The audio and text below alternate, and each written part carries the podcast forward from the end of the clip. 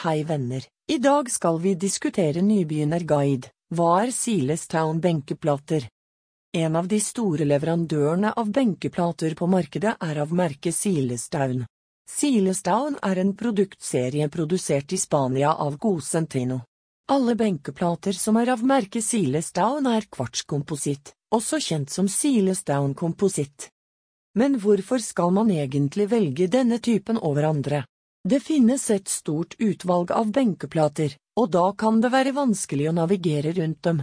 Med denne korte og enkle guiden for nybegynnere skal vi forsøke å gjøre deg litt klokere på hvorfor Silestown er et trygt og godt valg for din nye benkeplate. Først og fremst er Silestown pris for benkeplate veldig konkurransedyktig. Selv med alle dens gode kvaliteter er den ikke særlig dyrere enn dens konkurrenter, og derfor har den blitt et svært populært valg i mange norske husholdninger.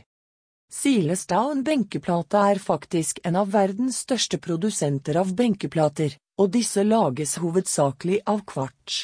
Dette materialet har noen unike egenskaper som gjør at den kan håndtere alle mulige situasjoner som en norsk husholdning vil oppleve å utsette den for.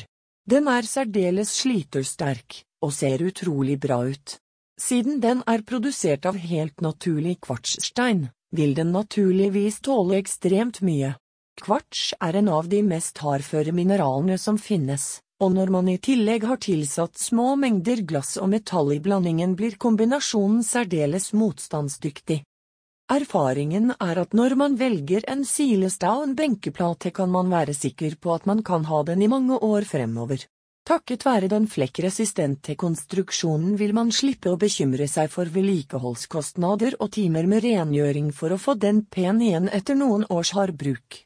Kjøkkenet er fort det rommet i huset som blir brukt både mest og hardest, og benkeplaten gjennomgår langt flere vasker enn resten av husets overflater.